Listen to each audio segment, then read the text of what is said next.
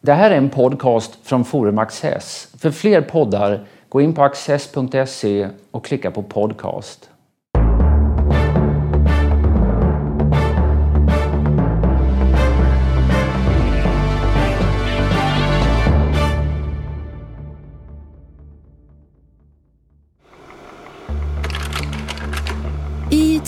Zürich samlades under första världskriget personer som hade lämnat sina hemländer för att undvika krigstjänst.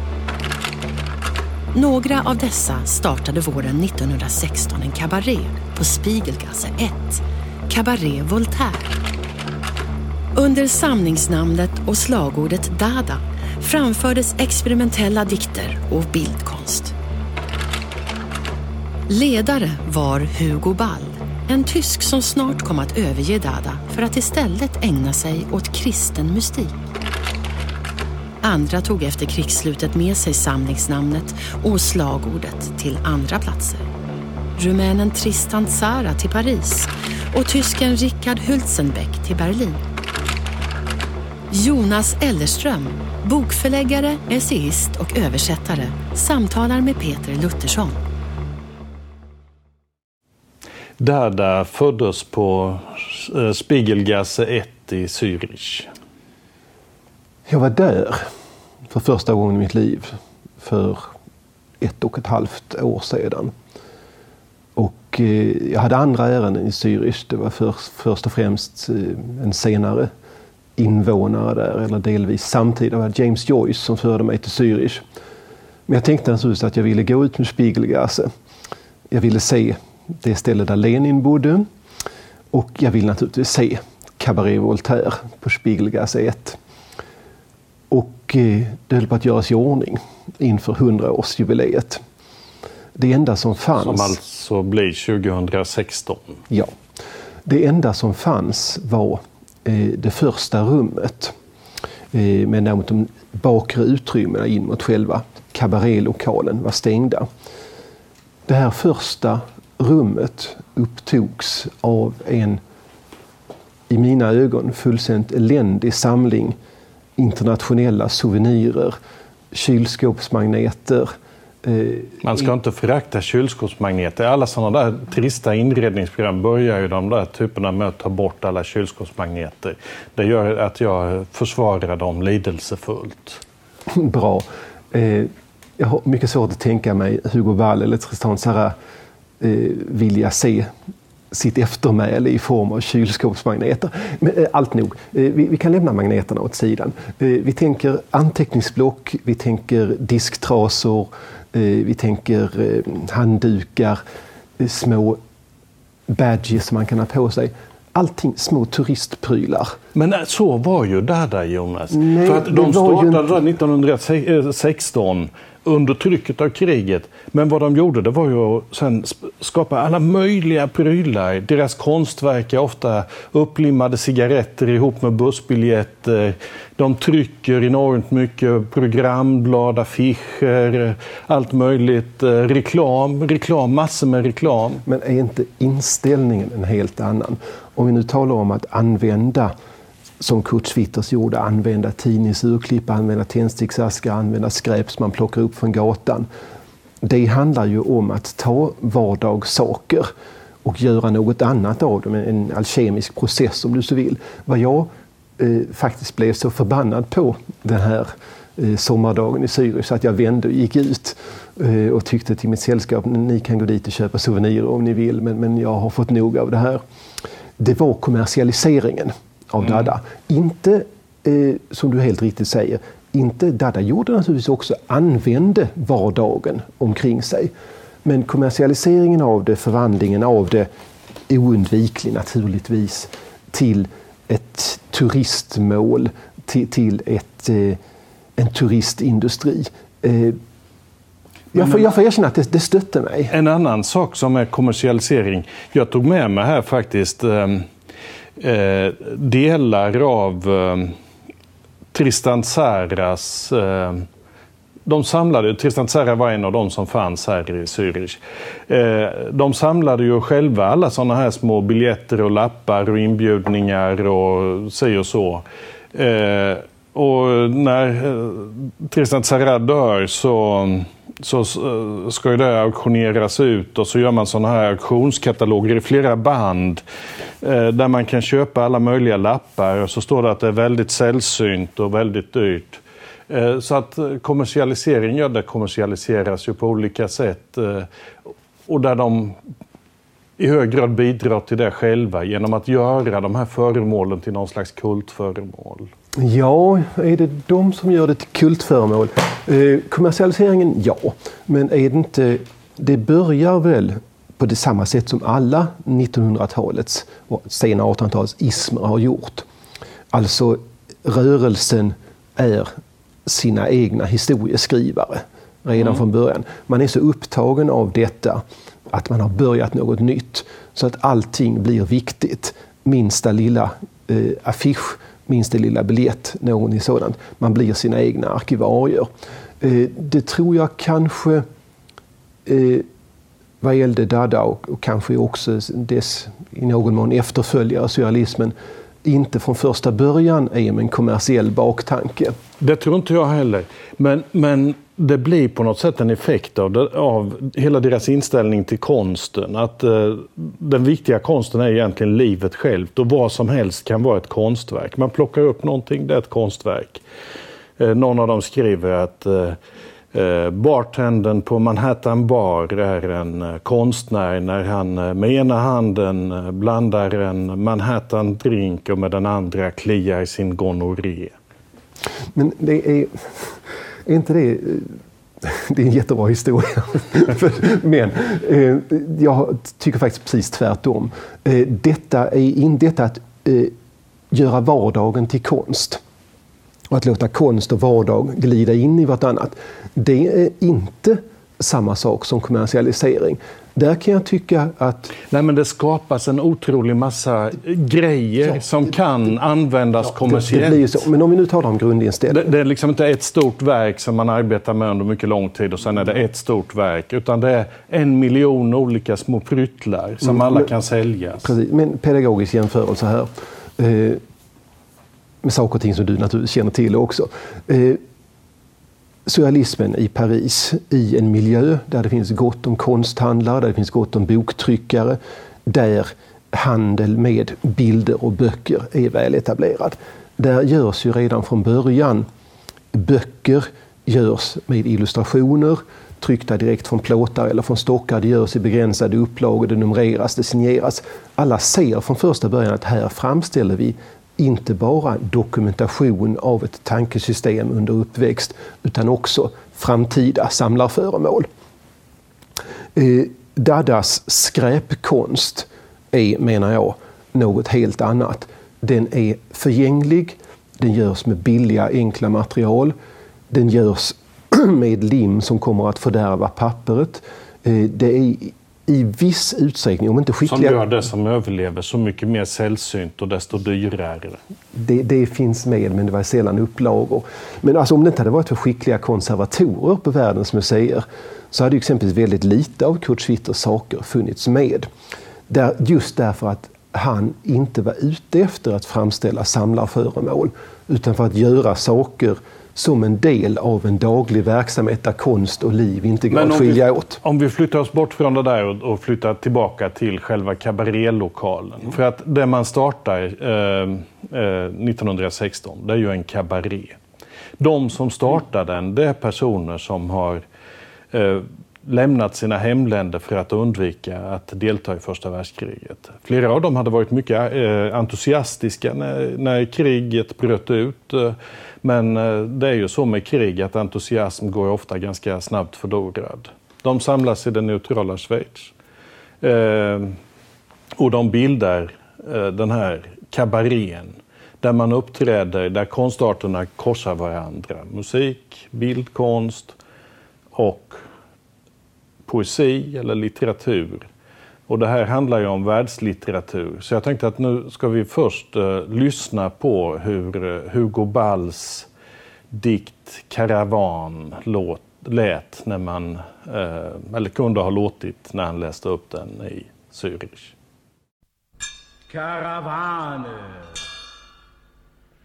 Jolifanto bambla, oh falibambla, rostiga mm. fabla horum, egigagoram, higo bloiko russula huiu, hoilata hoilalla, anlolo bum, blago bum, blago bum. Boss! Fataka,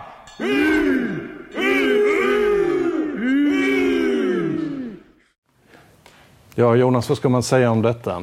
Först måste man... Jag älskar det. Eh, Jag kan älska det på precis samma sätt som när jag en gång i tiden klev in i samma eh, föreläsningssal på litteraturvetenskapen i Lund som var ditt hem också på den tiden. eh, Om du än var på en annan nivå. Eh, och jag klev in och just den här inspelningen, antingen pågick en inspelning eller så kan det ha varit Bengt Levans som eh, tog fram sina skådespelartalanger och läste upp dikten för, för ett, ett fullständigt förbluffat auditorium på, på elever på, på eh, andra terminsnivå. Och jag kom in någonstans mitt i karavanen. Alltså jag, jag var sen, jag var alltid sent i alla lektioner.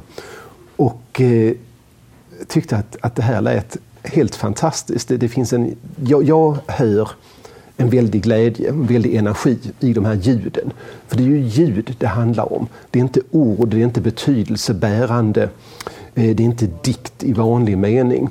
Eh, en duktig uppläsare kan ju få det här att låta som den karavan som eh, titeln anger.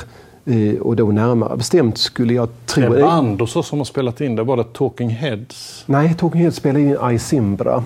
Eh, Ja, och där, där finns också en, en fantastisk eh, liveupptagning med David Byrne på sitt vanliga ansträngda sätt. Men han säger till publiken, Here's a song If you dance to it you might understand the words better. och det är väldigt bra. Jo, dansa till det så förstår ni det bättre. Eh, Det är inte bara hjärnan som ska träda i funktion här, utan kroppen också. Men jag som är lite mer sådär och Eh, varför började man med det här, tänker jag? Alltså, eh, söker man förklaringar hos Hugo Ball själv till exempel. Och då så, så Eh, är det ju väldigt mycket det där att Hugo Ball ville komma bort ifrån det språk som han tyckte blev så eh, förstört och besmutsat eh, under eh, kriget. Dels var det propagandan, eh, var den nationalistiska propagandan i de olika länderna och den militaristiska prosan.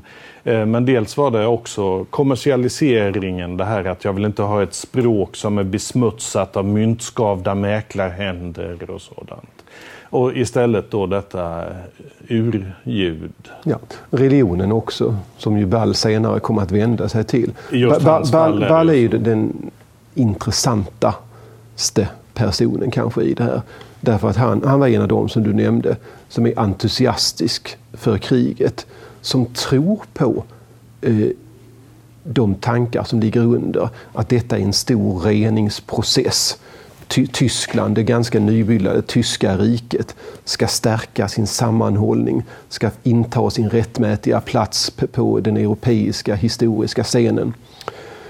Eh, Allt detta eh, livligt underblåst eh, av kyrkan och av Men han höll industrin. på att skriva en doktorsavhandling om Nietzsche. Ja, visst, du, du har ju det också. Ja.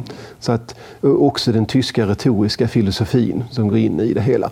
Och eh, efter en kort tid som då ytterst entusiastisk frivillig eh, i den tyska armén så, så eh, beskriva det? Att, att han, han säger att han får nog, säger att han bryter samman, säger, säger att det här språket bryter ner honom. Och eh, det där...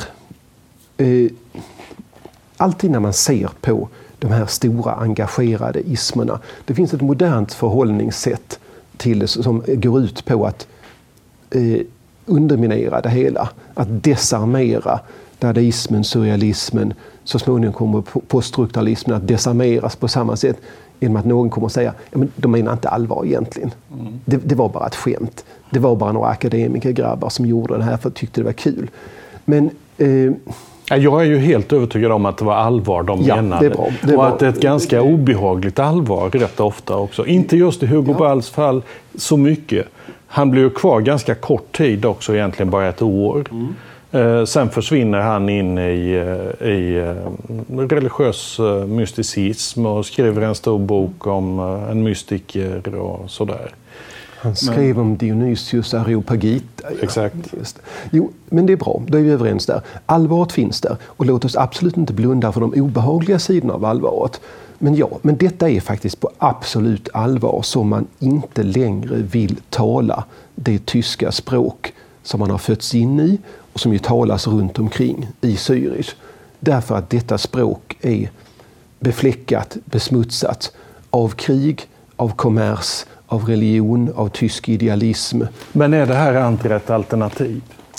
Nej, inte i längden. Det, det, att men det, det, är en gest. En sak som drabbade mig mycket var när jag läste en polsk författare, Alexander Watt, eh, hans eh, självbiografi. Han hade blivit futurist. Ord i frihet är ju en idé från futurismen. Marinetti egentligen är, är ju tidigare ute än de här dadaisterna. Eh, men sen eh, ödet gör att han eh, hamnar i eh, Eh, det ryska eller sovjetiska fångsystemet. Eh, när han så småningom kan återvända till eh, Polen och så småningom till USA så hjälper Kerstov Miłosz honom att göra en självbiografi. Han, kan, han får inte ner någonting på pappret, men han kan prata. Så Miłosz ställer en fråga och sen pratar Watt i 160 sidor. Sen så kommer det en fråga på två rader och så pratar han i 160 sidor till. Men då säger han det om de här ord i frihet.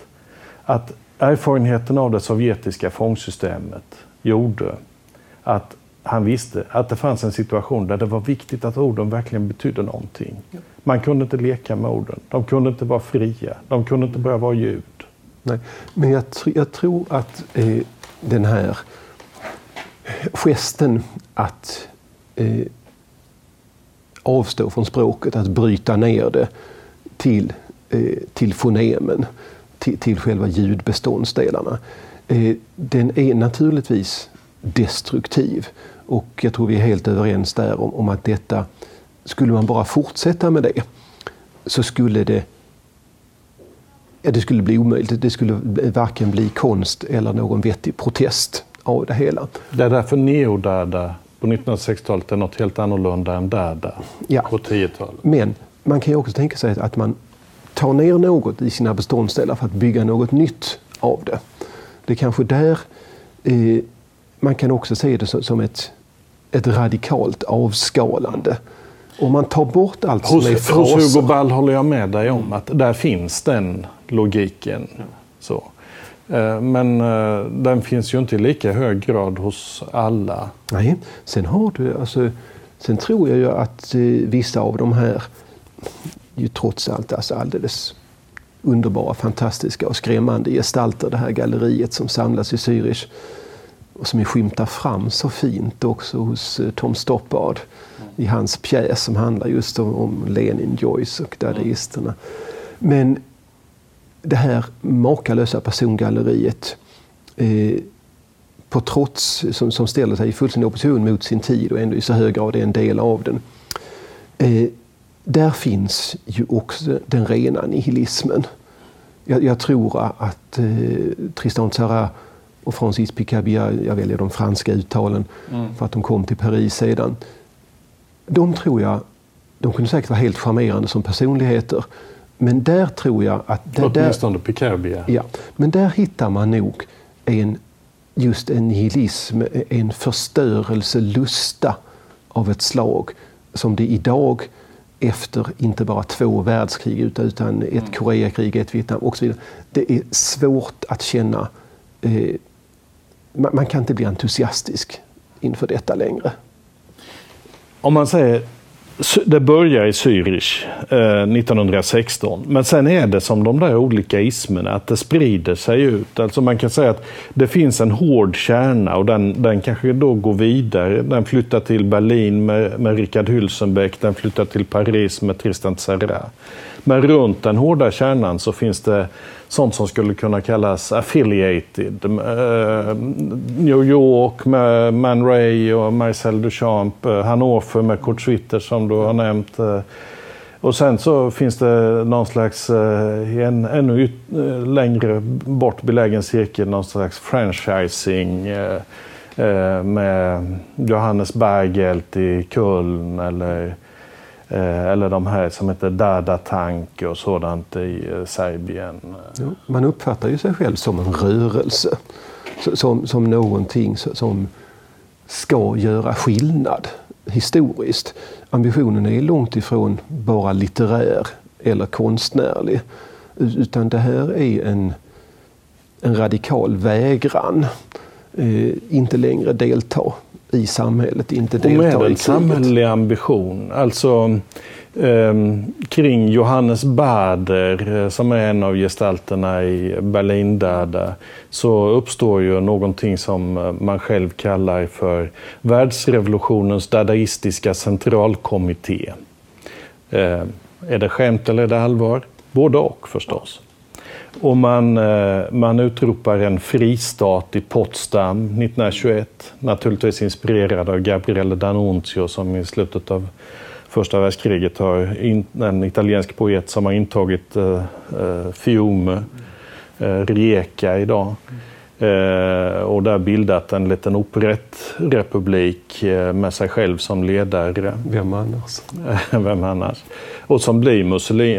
Den här marschen till Fiume där man kan ta över makten där, det blir ju förebilden för Mussolinis marsch till Rom. Ja. D'Annunzio och Mussolini ses ju ett tag som alternativt. Vem ska ta över fasciströrelsen? Vem ska leda den? Men, men så, sådant händer. Alltså, det, det är som... Eh, alltså historien hinner alltid i kapp. Det jag vill, bara för att få avsluta det. Det jag vill säga där, det är att den här kretsen, den här centralkommittén, de skickar ju naturligtvis gratulationstelegram till eh, D'Annunzio. Eh, och eh, man ger ut sådana där pamfletter mot eh, andan i Weimar och eh, Weimar lika mycket som de här är ju till vänster då. Lika mycket som de som är till höger. Ja. Men om man då tittar på detta, om vi började det här samtalet med att tala om vad det fanns för ska vi säga, kommersiell potential i mm. Dada, eh, eller vilka intentioner som kan ha funnits, så kan vi titta på det ideologiska. Vad händer med en rörelse som är så radikal i sin vägran att den till och med avsvär sig språket för att komma så långt bort från ideologier av alla slag som tänkas kan. På vilka sätt utvecklas den? Och då tror jag att då ser vi både det som fortfarande kan entusiasmera. Eh, jag tänker på den eh, amerikansk-rumänske författaren Andrei Codrescu som nu har mm. fått tre böcker översatta till svenska. Eh, som skrev en bok som heter Tsara och Lenin spelar schack. Mm. Som är en betydligt mer spännande bok än vad den här lite anekdotiska titeln kan ange. Och där Codrescu faktiskt NOS har föresatt sig att visa hur kan man använda dadaismen idag? På vilket sätt kan den fungera som någon form av, av livshållning? Och det gör det för honom i alla fall. Och han, eh, man kan notera att han tänker på det här som ett sätt att förhålla, för den enskilde att förhålla sig till samhället. Eh, det är inte längre tal om någon rörelse, inte om någon president, inte om några marscher. Johannes Bader kallades alltså jordklotets president. Ja. Det är därför Jonas nämner president. Ja. Eh, så att då det är fullt möjligt, tror jag, att man i den här eh, faktiskt ställvis mycket, mycket intelligenta oppositionen mot de stora krafterna i tiden som hade pressats fram första världskriget. Där var man ju mycket snabbare än tidens politiker att se vad som hade hänt. Jag tror det är användbart idag också. Men som du var inne på, som utvecklingen sedan visade redan under det pågående första världskriget och framförallt sedan under mellankrigstiden så kan den här radikala protesten också leda åt helt andra håll. Den kan, alltså, alltså den, den, den, den, kan, den kan leda, alltså vi, våra vanliga politiska skalor möts bakom ryggen här. Eh, om, om vi uppfattar dadaismen som radikal så måste vi samtidigt se att den kan, som i det italienska fallet, och många, den kan leda till fascism också. Alla, alla, alla de här ismerna är ju så att eh, de viktiga gestalterna i dem far iväg politiskt, antingen extremt långt åt höger eller extremt långt åt vänster. Det de gillar efterhand, det är ju det totalitära. Sen spelar det inte så stor roll vem som står för det totalitära. Eh, om, man, om man tar de här, de flyttade vidare. Jag säger, eh, till Paris kommer det med Tristan Tzara. En tidig sak som, kom, som äger rum där, det är ju den här rättegången mot Barré. Maurice Barré är alltså en eh, eh nationalistisk eh, författare, eh, traditionalistisk, eh, konservativ. Eh, man ställer honom inför rätta man får ju inte dit honom själv, men han representeras av en docka. Ja, Inefigie. genomför man en rättegång med åklagare, försvarsadvokater, domare och så. Han döms till döden för brott mot den mentala säkerheten. Eh, de där rättegångarna blir ju också en slags förebild för det som sen blir Moskvaprocesser. Man har åklagare som framförallt eh, är ute efter att förolämpa och förödmjuka den som står åtalad. Inte att visa att man egentligen har någon skuld. Och man eh, hittar på eh, orsaker att eh, ställa någon inför rätta som eh, inte har med någon lagstiftning att göra utan eh, man kan så att säga bli skyldig till vad som helst som man inte förstod var ett brott. Eh, det, där, det är också en obehaglighet. Det är extremt obehagligt eh, och vi är redan eh, halvvägs inne i surrealismen här. Breton spelar en, en huvudroll i rättegången mot Maurice Barrés. Han är domare. Ja. Vad jag tänker mig här, det är att nu har, nu har man redan börjat låta lura sig. Du säger att huvudfigurerna i ismerna alltid drar iväg politiskt och hamnar i det totalitära. Eh, det är riktigt ur en ren historieskrivning.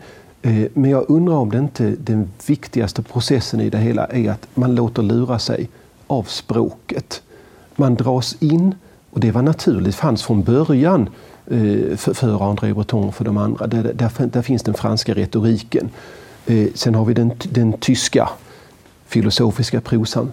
Så att språket kommer in igen. Språket vinner. Det, alltså, upproret mm. mot språket lyckas inte. Utan man glider in i kafédiskussionerna, terminologin, retoriken.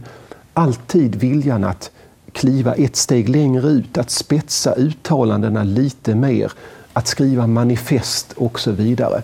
Så att visst handlar det om att man förlorar greppet politiskt. Men än mer tror jag att språket tar hämnd på de personer som man har väljer, försökt göra uppror Man väljer ju ofta väldigt drastiska eh, saker kan heta sånt där, deras tidskrifter eller manifestationer och så som grönt kadaver eller kannibal och så. Men mycket, mycket talande för vad som händer. Där det övergår ju sen i Paris till surrealism. Det är ju samma människor så att säga. Det, det är delvis en schism mellan Tsara och Breton som utlöser den där förändringen. Och surrealismens första tidskrift den heter La Revolution Surrealiste. Den surrealistiska revolutionen. Deras nästa tidskrift heter Le Surrealisme au service de la Revolution. Mm. Eh, surrealismen i tjänst hos revolutionen. Eh, då är man I revolutionens tjänst. Då är man eh, över i något annat. Eh, man är på väg mot något annat. Nu, nu är jag beredd att försvara den surrealistiska revolutionen. Men det får jag i nästa men det program. kommer du inte ha tid till. Nej, inte här. Vi får ta ett program till. För nu, nu, nu, nu vill jag bara avslutningsvis säga att eh, vad som är en eh, ska säga, rolig sak med dadaismen, det är ju att den kan vara så oerhört inkluderande. Det gör att när eh, Ingemar Johansson ger ut en antologi om Dada på svenska så kan han ha med ett eh, schackparti mellan den svenske schackmästaren Gösta Stoltz och eh, dadaisten Marcel Duchamp som var en mycket aktningsvärd schackspelare. Och det vet jag att du vet bättre än jag. Tack Jonas. Ja, tack Peter.